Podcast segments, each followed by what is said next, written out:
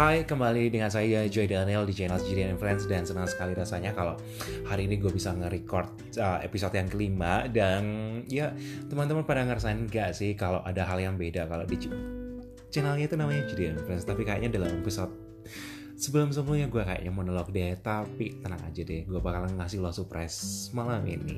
Nah teman-teman perkenalkan jadi ini adalah teman dekat gue yang yang kenalnya baru nggak lama-lama banget sih setahun juga belum. Cuma gue akrab banget sama dia gue banyak sharing sama dia gue banyak improve sama dia. Kalau gue biasanya manggil dia namanya sih Fahri ya tapi gue seringnya panggilnya Mas Fai karena dia lebih tua dari gue karena dia lebih berumur dari gue harus gitu. di highlight ya gitu oke uh, kita sapa ya Hai Mas Fai apa kabar Hai Joy and Friends Oke, nah jadi ini perdananya dia gabung di channel kita dan ke depannya gue bakalan janji deh gue bakalan ngajak teman-teman yang lain yang sama inspiratifnya buat teman-teman pendengar channel Jirian Friends, oke? Okay? Yes Oke, Mas Fai kita mulai ya. Oke Oke, so teman-teman, jadi materi yang kita bakalan bahas hari ini adalah uh, mungkin kalau teman-teman yang kuliah di bagian psikolog, kalian tahu yang namanya masalah inner child. Kamu ada pernah dengar gak Mas Fai masalah seperti itu? Inner child Sering dengar Mm, yang lo pahamin masalah itu sebelum gua. Jadi ini kita bocoran dikit ya. Nah, Oke. Jadi inner child itu adalah Kalau menurut gue ya Mhm, Menurut gue itu Karakter yang terbentuk karena mhm, Pola yang lampau mhm, Yang pernah dia alami di masa kecilnya mhm. Gitu Oke. Hmm, ya sepertinya Mas Fai udah ngebuka nih hmm, uh, materi kita. But it's okay. Tapi yes, guys, it is exactly. Abis ditanya sih. Gimana dong Iya kan Yes guys, it is exactly true. Jadi kalau di inner child itu adalah hal-hal yang pernah terjadi sama lo di diri lo sendiri yang di masa lampau.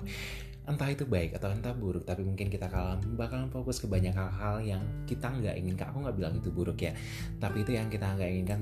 Kemudian itu terjadi dengan kita dan impactnya apa kalau masalah itu nggak diberesin? Besarnya mungkin dia akan berubah menjadi orang yang sukses, maka mungkin akan menjadi orang yang karirnya cemerlang tapi karena ada masalah inner child adalah masalah masa kecilnya dia seperti yang Mas Fai tadi yang bilang yang sebutin tadi dan itu nggak diberesin itu akan berpengaruh dengan kehidupan dia yang sekarang betul gitu Mas Fai Betul sekali Oke deh. Nah, sedikit tanya jawab nih teman-teman. Uh, gue yakin banget sih kalau dari masing-masing kita itu kita diciptakan dengan masing-masing kompleks permasalahan kita. Makanya gue sebenarnya sih Mas Fai kadang kesal sih kalau ketemu orang yang curhat apa macam-macam gitu dan dia kayak ngerasa kalau beban hidupnya tuh paling, Paling berat. berat. Ah, ah, bener banget paling berat so umur hidup dia gitu dia nggak tahu kalau sebenarnya tiap-tiap orang itu diciptakan masalah sesuai dengan porsi Yes. kita buat menanggungnya. Nah kalau menurut lo gimana sih sebenarnya? Iya betul. Eh, pada ya biasanya kita ini kan diciptakan unik ya kan, betul nggak kan? Ya, betul ya. Benar. Ya, jadi nggak semua orang itu mempunyai masalah yang sama. Mhm, mhm. Oke, tapi bukan berarti semua orang nggak punya masalah. Yes. Oke, dan masalahnya seperti apa itu Yes. unik masing-masing Yes, itu because berbeda. you are still gitu ya. Mhm. Karena kita manusia, ya Ya, kan? Nggak mungkin kita nggak punya masalah. Ya itu dia sih sebenarnya teman-teman. Jadi kalau sebenarnya lo pengen nggak punya masalah, ya udah nggak usah hidup gitu. Iya, yang nggak punya masalah itu cuman yang nggak hidup. Iya bener Iya banget. kan? Bener ya. Tapi bukan berarti caranya dengan lo ngakhiri hidup lo masalah lo Selesai. selesai. Sebenarnya masalah lo baru dimulai dengan babak yang baru Betul, dengan cara betul. seperti itu. So, guys, it's not a good options, right? Oke deh, teman-teman, ya kita bakalan deep dive dengan materi ini dan kita pengen bocorin itu sebenarnya materi ini hari ini sebenarnya agak capek banget sih sama supaya hari ini kita ada acara kantor seharian uh, activities. You know guys. I'm working around 5 a.m. this morning and then we are continue to do all the activities today today. Dan ya capek banget sih Tapi tetap- buat teman-teman semua kita ya, share ya. ya dan gue senang banget malam ini. Mas Fai ini yang perdana ada di channel gue di Julian Friends gitu. Oke deh teman-teman. Oke kita lanjut ya jadi masalah inner child ini ada atau sisi anak-anak dalam diri kita sendiri nah gini Mas Fai Hmm, jadi sebenarnya aku nggak pengen ngebongkar masalah seorang teman ya, tapi ini aku ya, eh, sebut saja identitasnya adalah Mr. X. Jadi si X ini tumbuh dengan mungkin teman-teman kalau ngelihat tampilan dia yang sekarang, kalian bakal ngerasa kalau orang-orang ini seperti adalah orang-orang yang sempurna, hmm. yang mungkin ngerasa kalau dia nggak pernah ngalamin masa-masa sulit. Jadi kadang kita karena kita terlalu fokus sama masalah kita, yes, kita mikir kalau masalah orang lain itu nggak ada apa-apanya, nggak seberat yang kita ngalamin padahal enggak nah gue ketemu sama teman gue ini mas Prime sekitar udah sebenarnya gue teman sama dia udah beberapa tahun sih gitu. Dan shock banget pada saat dia mulai pelan-pelan terbuka ceritain apa yang terjadi dengan dia di masa lalunya sampai dia bisa seperti sekarang ini. Dan menurut gue itu adalah gue senang banget ketemu dengan orang-orang. Salah satunya adalah Mas Fa ini. Ketemu dengan beberapa orang yang bisa menginspirasi yang pengen membuat gue untuk lebih baik dari hari ke hari gitu. Dan balik lagi ke yang tadi itu hmm. ternyata tadi kalau Mas Fahnya bilang kalau kita itu diciptakan unik kita itu diciptakan kompleks dan Tuhan kasih kita itu masalah benar-benar sesuai dengan yeah. porsi yang kita bisa agree. Ya very yang, very agree. Ya, yang kita bisa tampung. Jadi kalau misalnya semuanya itu udah ada takarannya ya yes. gitu ya. Udah ada ukurannya kalau lo yes. bisa ngadepin itu semua. Dan orang ini bertumbuh di lingkungan yang gak baik gitu sebenarnya kita nggak bisa nyalain lingkungannya juga sih. Dan kita juga nggak bisa nyalain dan dia berangkat dari keluarga broken home. Mm-hmm. dan ada saatnya dia merasa kalau dia itu adalah orang-orang yang gak diinginkan. Dan akhirnya apa? Biasanya orang kalau mas Pai kalau mereka itu ngalamin masalah outputnya itu ada dua. Pertama, mereka akan menjadi orang yang akan membuat orang sekitarnya akan menjadi problem juga. Yeah. Mereka akan mengorbankan orang-orang sekitarnya karena dengan alasan dia adalah gue pernah ngalamin pernah merasakan apa yang hmm, hal, yeah, yang hal, baik yang itu. Gak baik itu dan kalian harus merasakan itu. Yes, itu benar banget. Dan kalau misalnya kita lihat sekitar kita ya ada beberapa orang yang seperti itu yang mungkin kalian ada orang yang kok ngomongnya kok nyakitin mulu ya kok dia ngomongnya kok pedas mulu ya. Dia kok dominan banget ya kok dia nggak bisa dengerin orang gitu pada saat dia ngomong. Itu adalah sebenarnya adalah masalah-masalah kecil yang nggak diberesin yang disebut dengan inner child yang dialami dari masa kecilnya. Dan dia bertumbuh di lingkungan-lingkungan seperti itu. Iya. dan kebawa deh sampai sekarang masa-masa yang sekarang. Iya dan dia mengorbankan sekitarnya dengan kepribadian dia yang seperti itu dan tahu nggak parahnya apa orang apa seperti itu? itu kadang dia nggak ngerasa kalau dia adalah masalah ya hampir hampir dia hmm. merasa dia adalah bukan masalahnya hmm. gitu bahkan orang lain yang jadi masalahnya hmm. tapi jujur deh mas Pak sebenarnya di kehidupan lo setiap hari lo pernah nggak ketemu yang orang-orang seperti ini kalau pernah atau tidak pasti pernah hmm. kenapa ya karena kita bisa melihat dari apa sih dari karakternya dia hmm. gitu ya tapi pesan dari saya sih ya ketika teman-teman nih berhadapan dengan hmm. seseorang yang punya inner child yes. gitu ya yes. please jangan langsung berpikiran negatif hmm. karena kita nggak yeah. tahu kan ya kan? Di iya. balik itu semua ada sesuatu yang terjadi. iya dia seperti ini kenapa? Ya. Oke okay, mungkin kita berpikirnya atau melihatnya wah ini orang negatif nih. Mm-hmm. ya dong. Mm-hmm. oh ini orang negatif nih kok ngomongnya kayak gini nih? Ya. kalau orang yang tidak mengetahui itu pasti akan langsung menyangka oh ini orang nggak benar nih. Ini orang nggak beres nih. Gitu. Atau ini orang memang kacau sumber masalah. Walaupun memang it's true.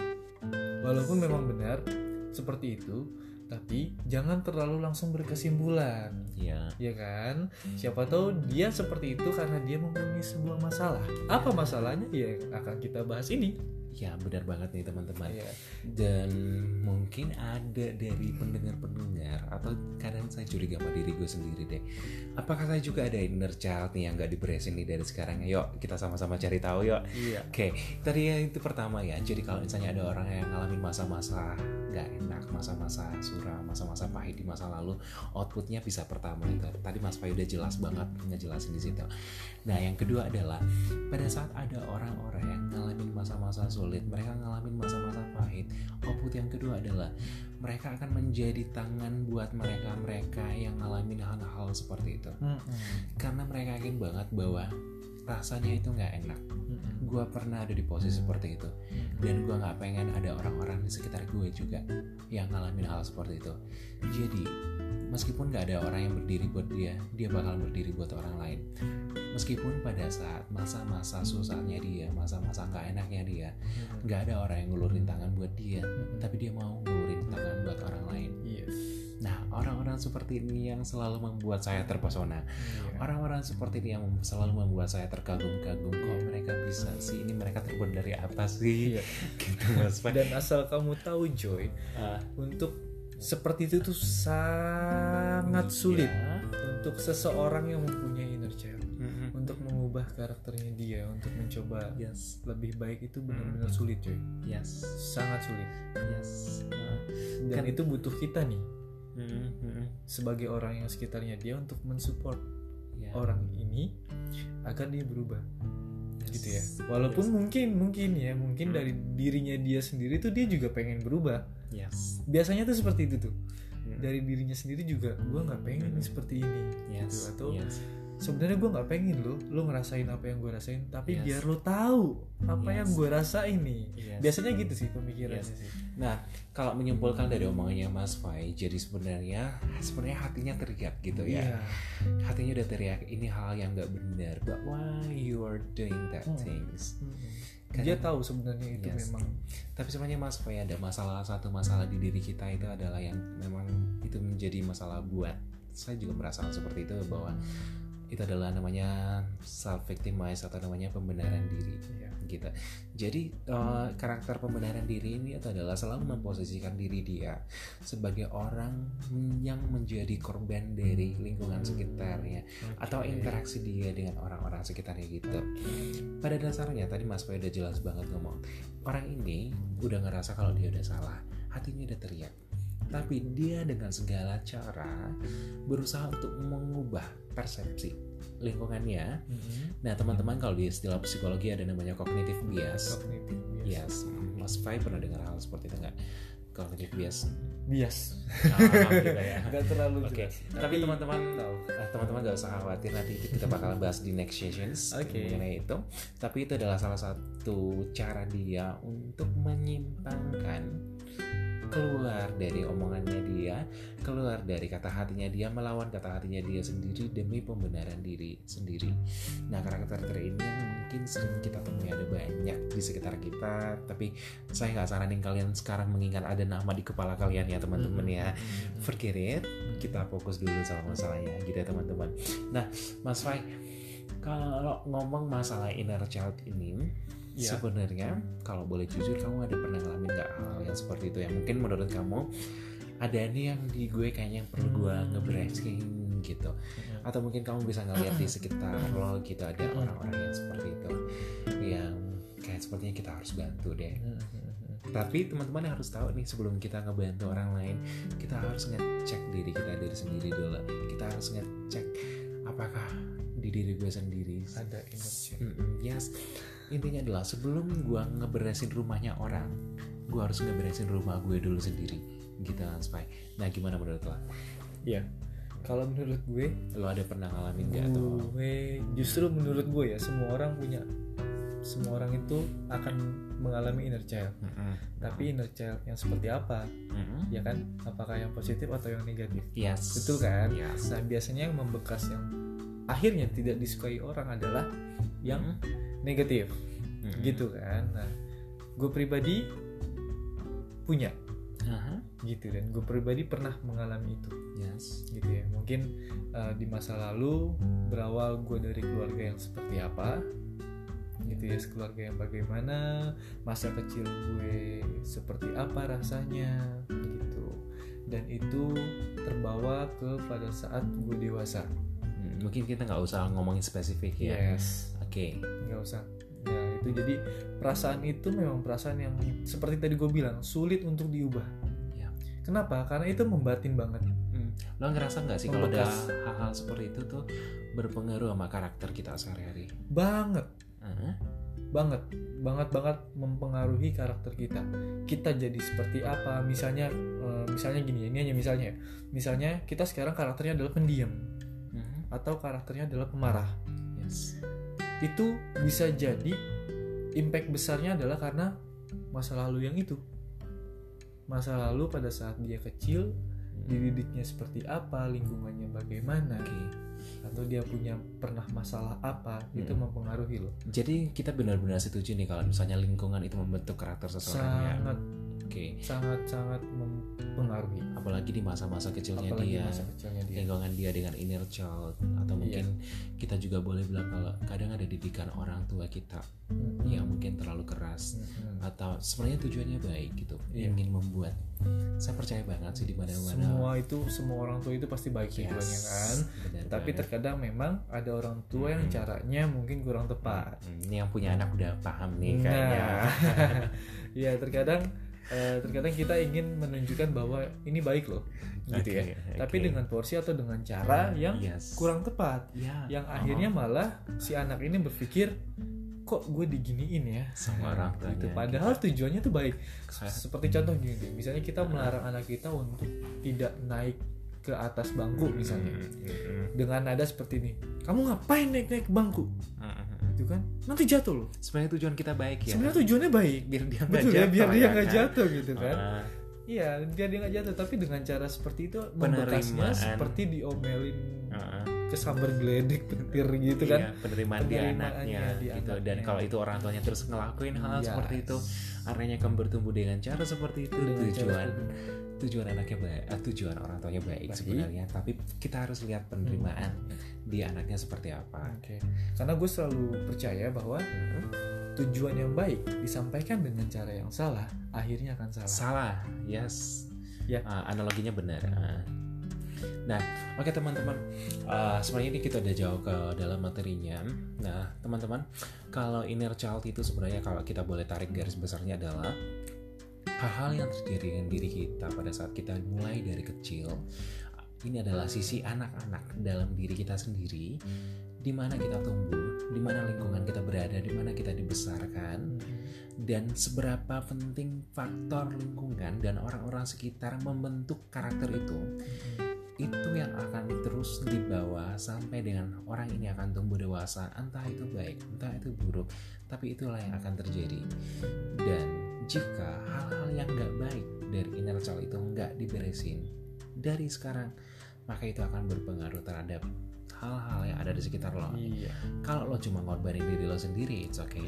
Cuma kalau misalnya kamu udah ngorbanin orang-orang sekitar kamu, mm-hmm. teman-teman kerja kamu, teman-teman kuliah kamu, atau bahkan itu bisa balik ke keluarganya kamu percaya nggak hal seperti itu bisa iya, balik ke orang-orang sekitarnya juga. Bahkan nantinya mungkin mm-hmm. akan terulang dengan anaknya diturunkan pada ya. saat dia nanti mempunyai seorang anak itu hmm. padahal mungkin seorang energy child ini nggak ingin hmm. anaknya merasakan apa yang dia rasakan dulu hmm. gitu ya tapi dengan dengan cara dia tidak mengubah hmm. kemungkinan akan terjadi besar loh. Iya, karena sebenarnya anak mencontoh dari apa yang dia iya, sering lihat kan. Betul. Seperti yang tadi kita udah ngomong, anak tumbuh di lingkungan seperti itu. Kadang kita nggak langsung ke anaknya, tapi karena anaknya melihat dengan matanya mendengar dengan merasakan. telinganya merasakan dengan sepertinya hal, hal ini di keluarga saya itu udah menjadi hal yang wajar gitu. Orang teriak-teriak orang maki-maki orang ngomong jorok gitu kayaknya hal yang biasa gitu. Anaknya akan tumbuh dia akan semakin dewasa dia akan ngomong jorok nggak iya, cuma dia akan terbiasa dia akan terbiasa menggunakan ini dan menurut dia it's fine gitu karena itu iya. biasa aja menurut dia. Dia akan keluar bergaul ke lingkungannya dan melakukan hal seperti itu korbannya adalah orang-orang yang nggak terbiasa lingkup di hidup di lingkungan yes. yang seperti itu. Betul sekali. Ya itu dia inner child yang nggak diberesin. Nah teman-teman saya pengen ngasih satu contoh nih mungkin teman dengan contoh ini teman-teman bisa lebih paham. Kalian pernah nggak sih kalau di tempat kerjaan atau mungkin di mana sekitar kalian atau ada leader-leader di sekitar kalian yang sifatnya dominan nggak cuma leader doang ya tapi sifatnya dominan pengen didengerin tapi nggak pengen dengerin orang. Idenya pengen diterapin tapi nggak pernah ngasih waktu buat ngeliat ide orang lain. Orang ini pengen menguasai omongan tapi omongan orang lain dipotong-potong. Kalian pernah nggak sih lihat orang yang seperti itu? Nah biasanya kalau orang-orang dominan itu atau orang-orang yang punya power ini dan dia berusaha untuk mengontrol lingkungan sekitarnya. Kalau misalnya secara psikologinya kita tarik ke belakang biasanya orang-orang seperti itu adalah orang-orang yang punya masalah dengan masa lalunya. Nah orang-orang itu biasanya karena pada saat masa kecilnya mungkin orang ini nggak pernah didengerin orang ini mungkin nggak diterima sama lingkungannya. Jadi dia tumbuh dengan cara defense ngelawan situasi yang ada dengan diri dia dari kecil sehingga membuat karakter dia menjadi seperti itu. Oke sekarang gue kayak gini kenapa? Karena gue nggak pernah didengerin. Mungkin dia nggak belak belakan ngomong kayak gitu ke kalian. Tapi itu adalah impact yang muncul. Teman-teman percaya deh kehidupan kita yang sekarang itu dibentuk dari apa yang udah terjadi di masa lalu gitu. Nah mas pengen pengen nambahin sesuatu nggak? Iya betul banget. Kalau seandainya ada yang seperti itu ya kita lihat dari masa lalunya seperti apa. Hmm. gitu. tapi kan permasalahannya di sini ketika kita mempunyai inner child bagaimana sih cara kita untuk menghandle-nya? Hmm. untuk merubah itu semua. Nah bisa nggak sih kalau menurut lo aja harusnya bisa. Bisa banget. Nah kalau menurut lo mas Pai kira-kira kalau misalnya cara kita buat ngeberesin inner child ini lo ada ada cara sendiri nggak sih atau ada saran nggak sih buat pendengar-pendengar tips untuk inner child mengubah inner child kita ya hmm. yang pertama pasti adalah menyadari hmm. dulu menyadari dulu bahwa hmm.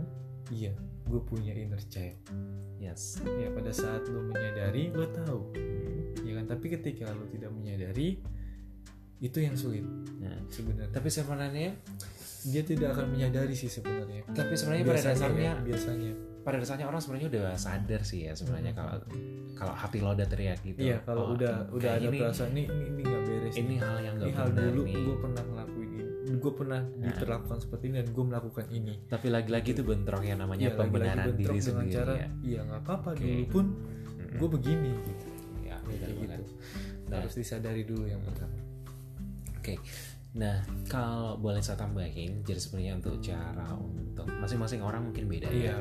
dan nggak semua yang kita sampaikan itu semuanya itu mungkin bisa diterapkan atau ya diterapkan. Yes, jadi masing-masing kita punya cara sendiri buat nyelesain masalah tapi teman apa pun itu yang namanya masalah itu tetap harus diberesin. Hmm, betul setuju gak? setuju banget. Kalau masalah itu nggak diberesin dia akan terus tetap menjadi masalah masalah, masalah oke jangan sampai dia menjadi kayak seperti iceberg. Iceberg itu yang kelihatan cuma dikit-dikit doang gitu di bawahnya atau yes. di dalamnya itu besar banget. Ya tapi lo nggak tahu yang di balik itu semua. Ada kayak gitu. Atau kalian pernah ngeliat orang kayak gini sih? Uh, orang ini kayaknya jarang marah gitu di ini juga ya biasa aja gitu tapi gila pada saat bener-bener marah orang ini akan meledak. Meledak. Ya karena suaranya kayak gitu dia menyembunyikan ada banyak hal dengan dirinya sendiri gitu yang enggak. Orangnya masih nahan diri sih sebenarnya tapi dia nggak langsung belak belakan nunjukin emosinya atau perasaannya di waktu yang itu tapi menunggu waktu-waktu. Ini seperti bom waktu sebenarnya. Seperti itu teman-teman. Nah uh, tips kalau boleh saya sharing dengan teman-teman di channel Jidian Friends gimana sih caranya buat ngeberesin inner child di diri kita sendiri. Kalau di gue adalah speak to yourself. Gimana sih? Jadi speak to yourself itu seperti ini. Teman-teman apa pun itu masalahnya kalau lo udah mencari-cari alasan terus merasa kalau lo ngelakuin sesuatu dan lo merasa itu nggak nyaman atau mungkin lo mikir sejauh ini gue hidup udah berapa banyak nyakitin hati orang lain. Hmm. udah berapa orang yang gue korbanin karena hal-hal seperti ini dan lo merasa diri lo buruk. Udah waktunya buat lo balik koreksi diri lo sendiri. Hmm. kayaknya gue ada masa-masa lalu yang gak diberesin yang gue bawa dari kecil sampai dengan sekarang. Dan gue menjadikan orang-orang sekitar gue bahkan bisa keluarga gue sendiri orang terdekat orang yang gue sayangin orang yang gue kasihin anak-anak gue istri gue gue gak pengen mereka juga ngalamin hal yang sama kayak gue. Kenapa? Gue gak pengen mereka tumbuh dengan cara yang salah. Iya. Dan gue nggak bisa menjadikan mereka korban karena apa yang gue ngalamin. Iya. Gue percaya banget sih kalau setiap masalah itu diciptakan itu ada tujuannya. Ada tujuannya pasti. Yes. Jadi masalah itu nggak terjadi gitu-gitu aja. Cuma kadang kita sebagai manusia kita cuma langsung fokus pada masalahnya hmm. bukan pada hasilnya nantinya. Bukan pada iya hasil dari masalah itu nanti ke depannya. Yes. dan gue percaya banget bahwa segala sesuatu yang terjadi dengan kita itu ada tujuannya mungkin sekarang itu nggak kelihatan. Tapi bersyukurlah pada saat lo pernah ngalamin masa-masa yang gak enak masa-masa yang sulit. Mungkin lo pernah ngerasain kalau lo pernah jatuh di titik terendah dalam hidup lo. Saya sendiri jujur pernah ngalamin hal seperti itu. Ada masa-masanya gue jatuh sampai terserendah-rendahnya. Kalau boleh saya bilang kalau itu adalah titik terendah dalam hidup gue. Titik nadir ya kurang lebih seperti itu. Dan satu hal yang gue syukurin adalah pada saat gue ada di situasi momen-momen seperti itu yang gue syukuri adalah Tuhan ngasih gue waktu buat memfilter orang. Mana yang benar-benar teman mana yang bukan. Dan itu yang ngajarin saya belajar yang namanya proses belajar yang namanya taat belajar yang namanya karakter mengelola masalah untuk kita menjadi lebih baik jadi kuncinya adalah satu speak to yourself. Bicara pada sisi anak-anak dalam diri lo sendiri. Hai diriku yang lama. Hai sisi anak-anak dalam diriku sendiri. Apa pun yang terjadi di masa lalu ayo sama-sama kita maafin apa pun itu. Dan kita fokus pada apa yang hal-hal yang baik yang ada di depan. Kita nggak akan selamanya punya banyak waktu untuk terus memikirkan hal-hal yang udah terjadi masa-masa kecil kita terima apa pun yang sudah terjadi dengan masa lalu kamu. Apa pun itu masalahnya. Gue yakin banget bahwa kehidupan kamu yang sekarang akan jauh lebih baik pada saat kamu mengampuni masa-masa lalu kamu. Terima itu semuanya ikhlaskan itu semuanya dan anggap itu sebagai proses dari hidup kamu. Dan lihatlah masa depannya lebih baik. Apa susahnya kita berlaku baik kepada orang lain? Kalau misalnya kita cuma berbuat baik sama orang yang cuma baik sama kita doang orang yang jahat pun melakukan hal yang sama jadi nggak ada bedanya. Nah kalau menurut kamu gimana mas iya benar banget. Yang tadi gue juga udah bilang sadari diri. Ya sadari sadari child kita. Seperti yang lo bilang juga tadi jangan speak to yourself, yourself gitu ya. Berbicara ya bener banget semuanya. Ya apa yang lo bilang itu benar gue setuju. Hmm. dan fokus pada apa yang ada di depan kamu. Iya fokus. Yes apa yang akan terjadi di depan. Karena kita nggak bisa ngontrol apa yang udah terjadi di masa lalu kita. Iya masa lalu itu hanya untuk kita pelajari mm-hmm.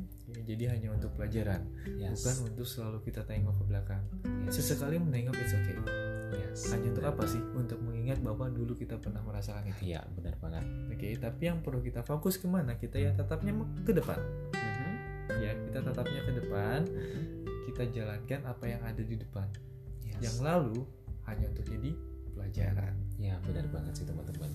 Jadi kalau misalnya kayak gini apa pun yang terjadi dengan kita itu ada sesi pembelajarannya semua. Jadi kalau Mas Pai bilang ngomong pembelajaran itu saya setuju banget.